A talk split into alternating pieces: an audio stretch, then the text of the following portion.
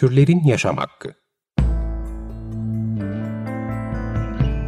Gezegeni paylaştığımız canlıların özgürce yaşama haklarına dair her şey. Hazırlayan ve sunanlar Işıl Karaelmaz ve Melike Dirikoç. Is there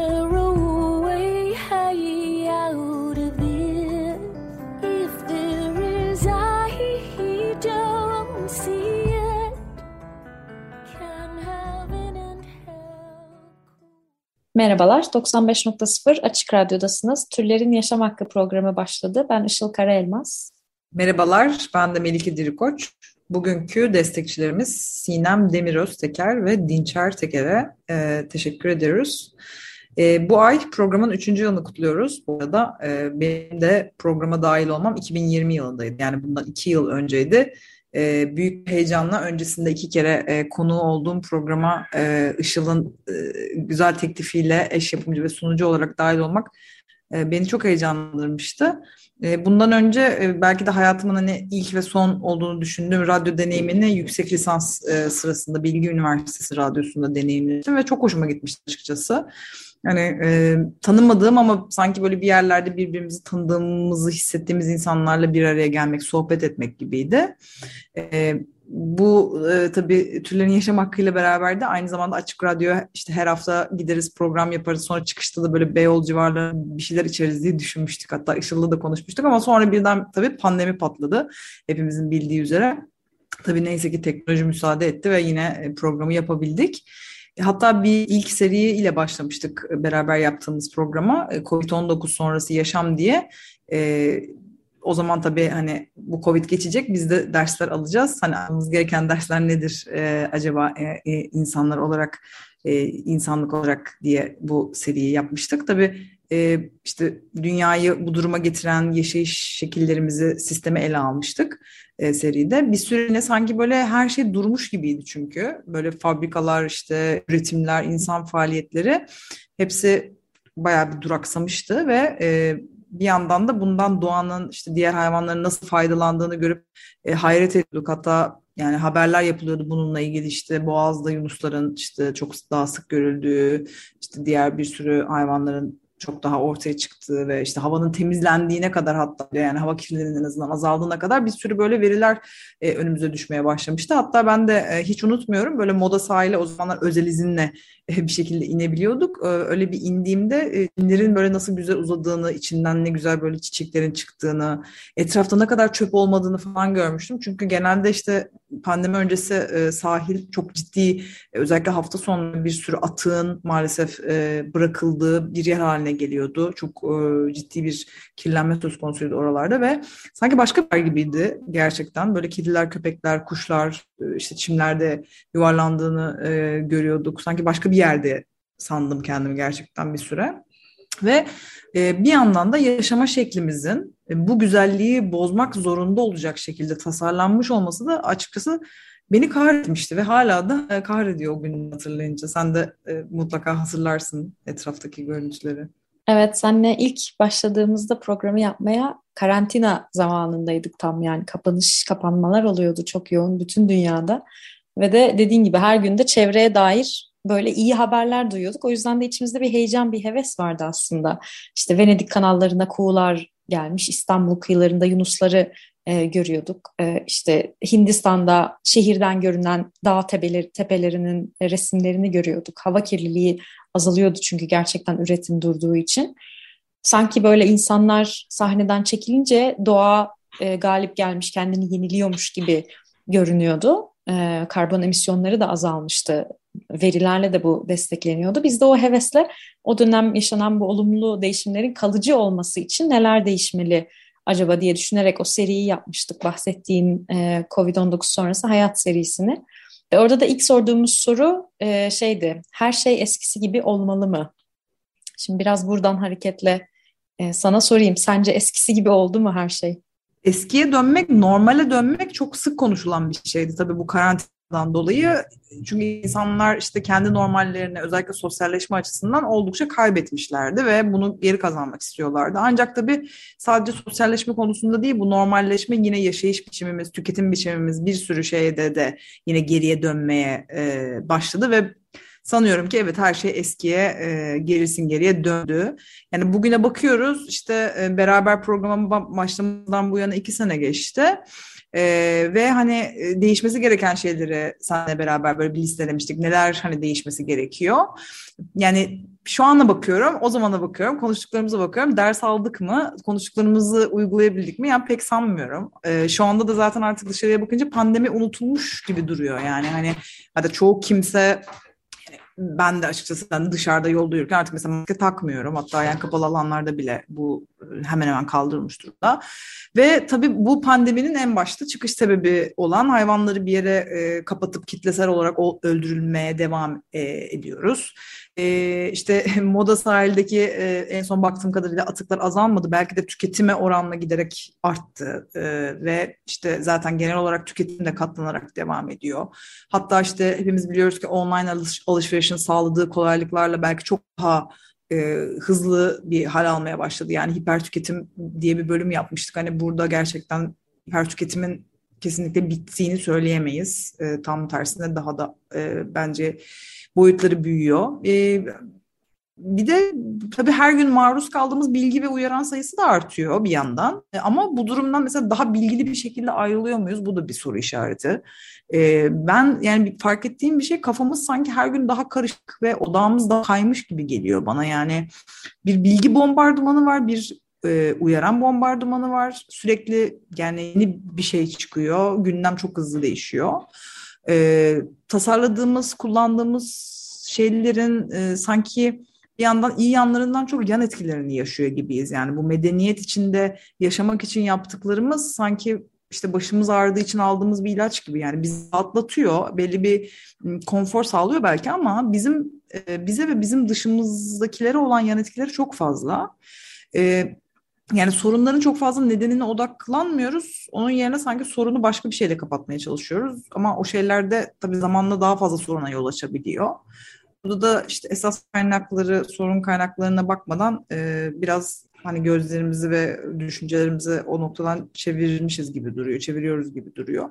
Çünkü bir yandan da bakıyoruz ki her şey böyle kurgulanmış. Yani bir şeyleri kökten değiştirmeye e, yanaşılmıyor fazla.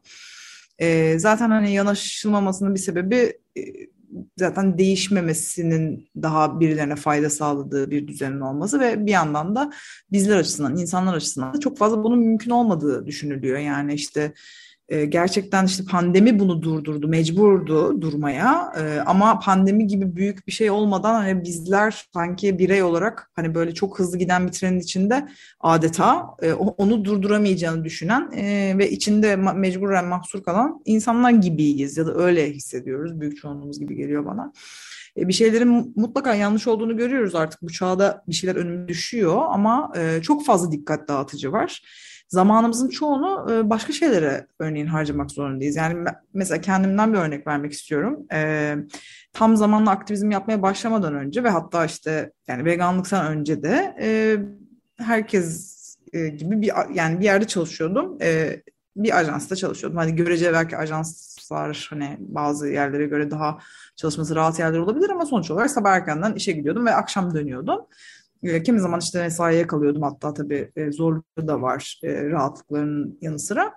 E, ve mesela çok iyi hatırlıyorum işte apartmanın orada kediler oluyordu ve işte belki miyavlıyorlardı işte mama belki koymak gerekiyordu. Kimi zaman belki bir bakıma ihtiyacı olan hani bir orada kedi gözüme çarpıyordu vesaire ama onlara ayıracak zamanı bile bulamıyordum ne kadar istersen isteyeyim. Çünkü eve gelip bir şeyler yiyip kesinlikle sonrasında da ciddi olmayan bir şeylere bakma ihtiyacı hissediyordum. Çünkü zaten işte yani bütün gün kafam son derece yorulmuş, modum düşmüş bir e, durumda oluyordum. Sonra hafta sonunda düşen modu ve var olan yorgunluğu bir nebze de olsun üzerinden atmaya çalışarak e, geçiyordu. Aslında bunu atmaya çalışmak derken de çok fazla bir şey yapmıyordum. Genelde uyuyarak e, ya da hani evin içinde durarak bunu e, geçirmeye çalışıyordum. Çok da verimli geçmiyordu aslında. E, sadece bu da değil, işte işler mesela hafta sonunda kayabiliyordu. Orada yine artan yine bir yorgunluk e, vesaire işte mod düşüklüğünden dolayı zaten aslında bir şeyler yapma isteği kalmıyordu. E, Tam zamanlı sonra, çalışan olarak sana e, ne demek istediğini çok iyi anlıyorum şu an.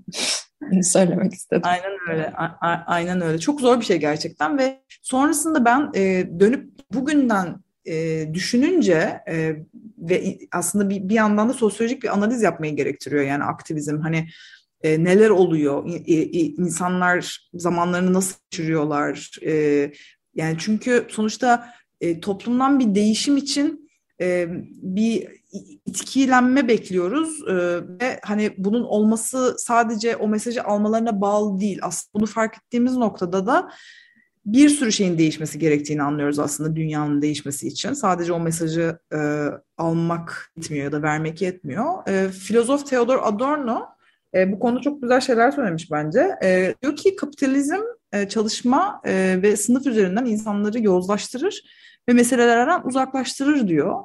E, mesela işten arta kalan ve boş zaman ya da serbest zaman olarak tanımlanan şeyin aslında kişinin kendi düşünsel anlamda kendini geliştirdiği, işte toplumu değiştirecek açıları ve yöntemleri keşfettiği, kişinin işte kendini dış dünyayı ya da meseleleri açıklıkla anlamasına fırsat veren kültürel birikimlerle e, aslında yoğurduğu, buluşturduğu bir zaman dilimi olması gerektiğini söylüyor. Ancak bunun tam tersinin gerçek hayatta gerçekleştiğini söylüyor.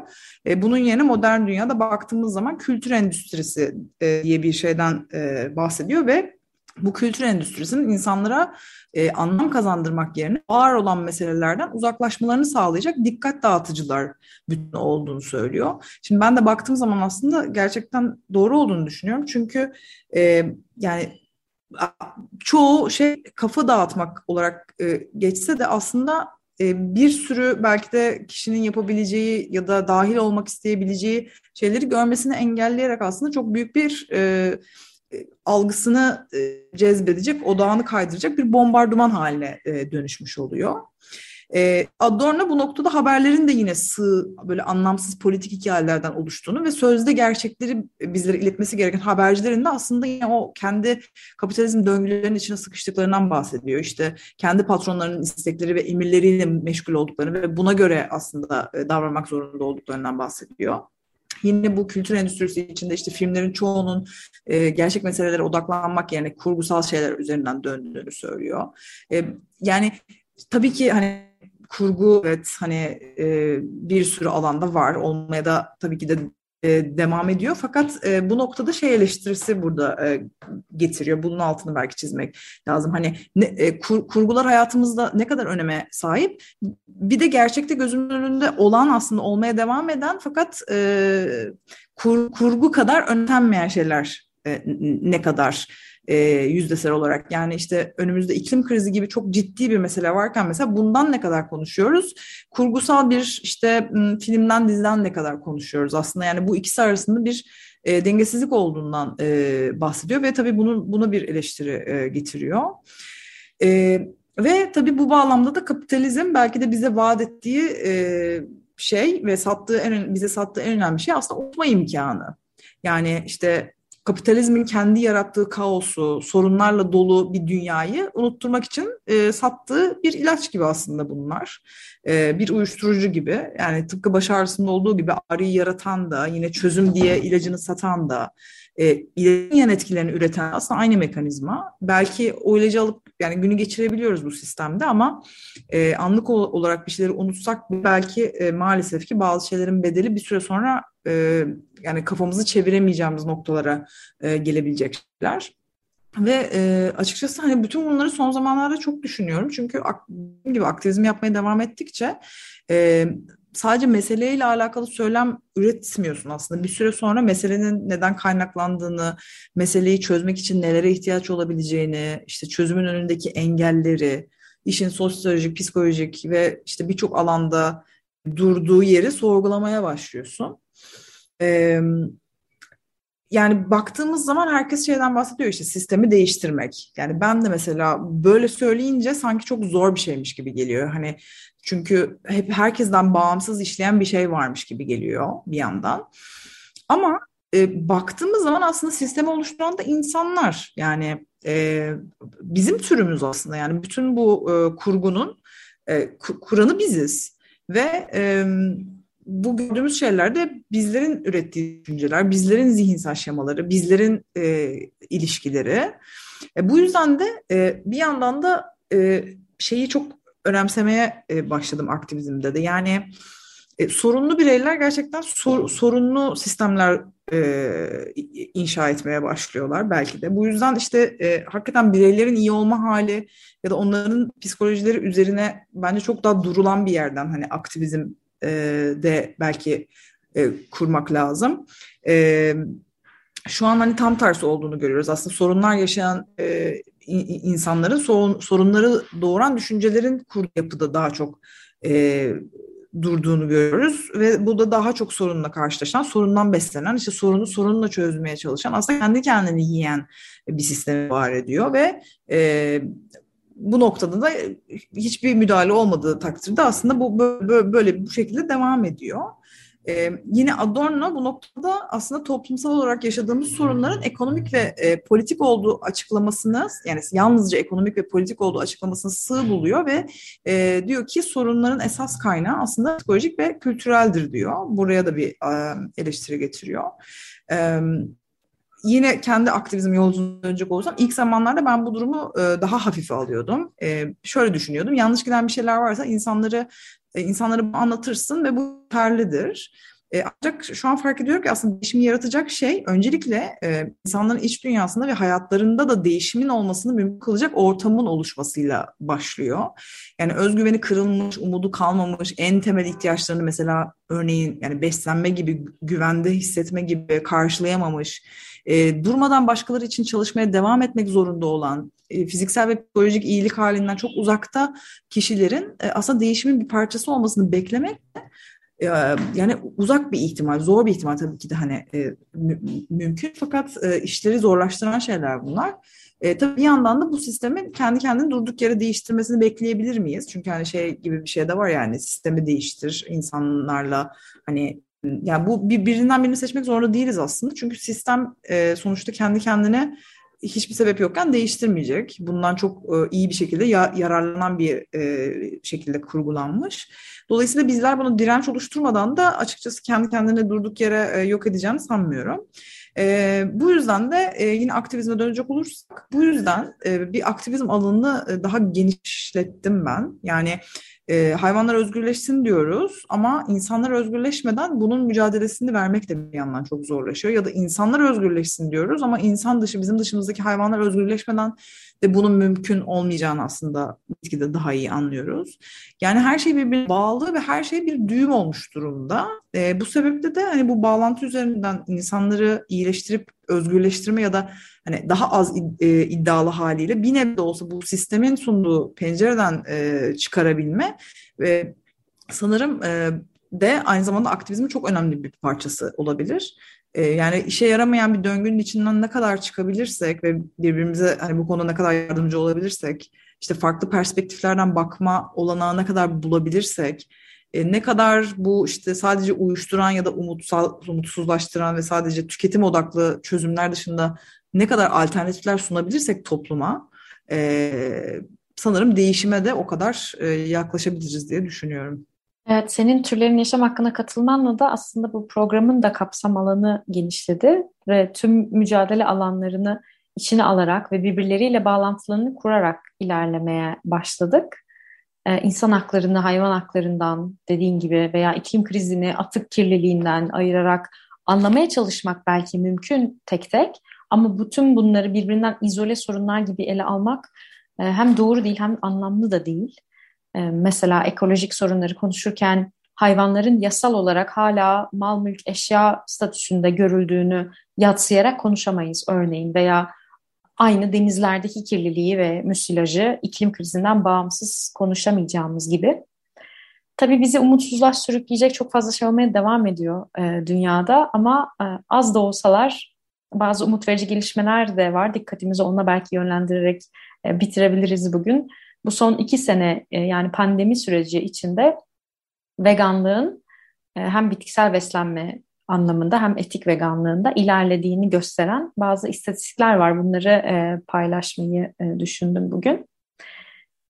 Şöyle bir iki metrikle bunu anlayabiliriz. Veganuary diye bir kampanya oluyor biliyorsunuzdur belki Ocak aylarında. Bunu vegan olmayanlar için yapılan bir kampanya. Ocak ayı boyunca vegan olunmasına dair bir kampanya ve bu kampanya süresince bilgilendirici içerikler paylaşıyor, paylaşılıyor kayıt olan kişilerle. Bu kampanyaya kayıt sayıları 2014 yılından beri artıyor. Fakat 2022 yılında rekor kırarak 629 e, bin kayıt sayısına ulaşıyor. Yani 629 bin kişi ilgilenmiş ve Ocak ayında ben vegan e, olarak bitkisel besleneceğim, vegan olacağım diyen e, kişi sayısı bu. E, ve bu baktığımızda senelere aslında pandemiyle birlikte arttığını görüyoruz. Çünkü 2019'da bu sayı 250 binken pandemi başlangıcında 2020'de 400 bin oluyor, 2021'de 582 bine çıkıyor. Yani katlanarak artan da bir e, durum var burada. Yine başka bir e, başka bir anket, küresel çapta yapılmış bir anket var 2021'de Rakuten tarafından yapılmış.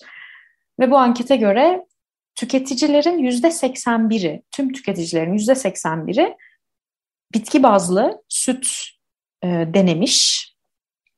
E, yüzde 48'i başka bir yani hayvansal olmayan e, ürün denemiş ve yüzde 44'ü e, hayvansal olmayan bitkisel et alternatiflerini denemiş. Böyle bir veri var 2021'den e, elimizde ve de bir başka çarpıcı e, bence veri de 2025'e kadar vegan deri e, pazarının hayvan derisi pazarının e, aşacağı, e, yerini alacağı söyleniyor. Yani vegan e, deri bitkisel derinin hayvansalı yerini alacağı söyleniyor 2025'e kadar.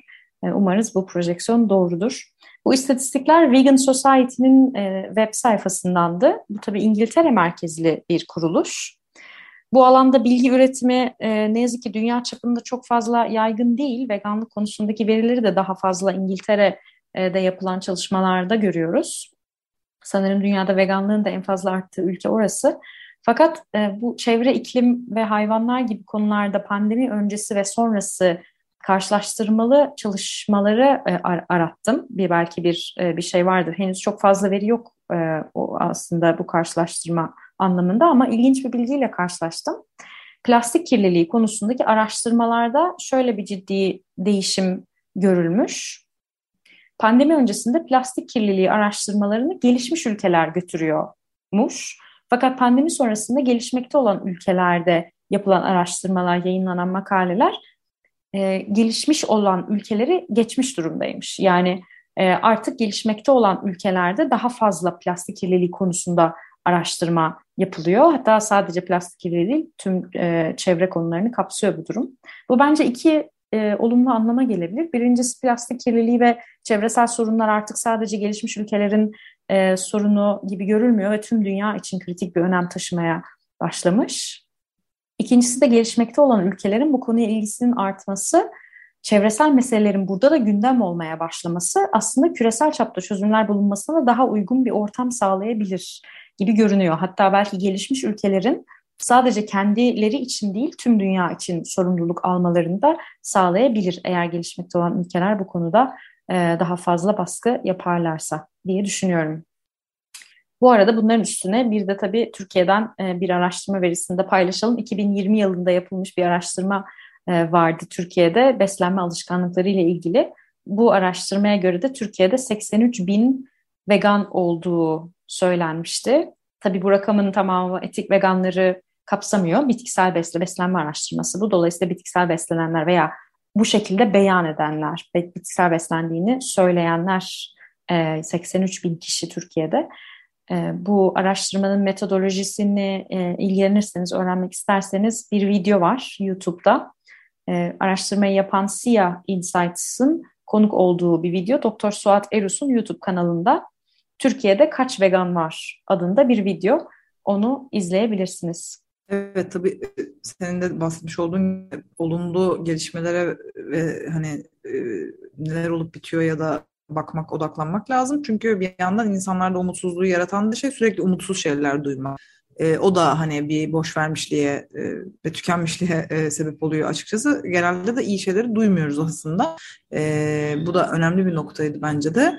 Hmm, tabii e, bir güzel haber de bu sene olan e, biz e, senin de ve benim de e, içinde olduğum e, bir Civciv Kreatif, Kreatif diye bir platform kurduk. E, herhalde e, şu an yani 6-7 kişi falanız. E, yani şey her hafta hayvan hayvan hakları gündemini e, canlı yayında e, tartışıyoruz YouTube ve Twitter üzerinden. E, sonra kayıtları da e, YouTube kanalına e, yüklüyoruz Civciv Kreatif'in. E, bu anlamda da güzel bir arşiv olacağı benziyor. Yani bu şekilde hayvan haklarını veganlık üzerinden e, konuşan sanırım böyle bir e, program yoktu daha önce hani haftalık olarak konuşan. E, onu da böyle bir burada söylemiş olalım. E, henüz konuk alamadık e, bizim diğer ekibi ama belki ilerleyen zamanlarda e, Cici Kreatif'ten de daha detaylı bahsederiz diyerek istersen yavaş yavaş kapatalım. E, süremizin sonuna geldik. 95.0 Açık Radyo'da Türlerin Yaşam Hakkı programını dinlediniz. E, programla ilgili öneri ve yorumlarınız için bize e-mail atabilirsiniz. E-mailimiz turlerinyasamakki.gmail.com Dinlediğiniz için teşekkürler. Haftaya görüşmek üzere. Hoşçakalın. Görüşmek üzere.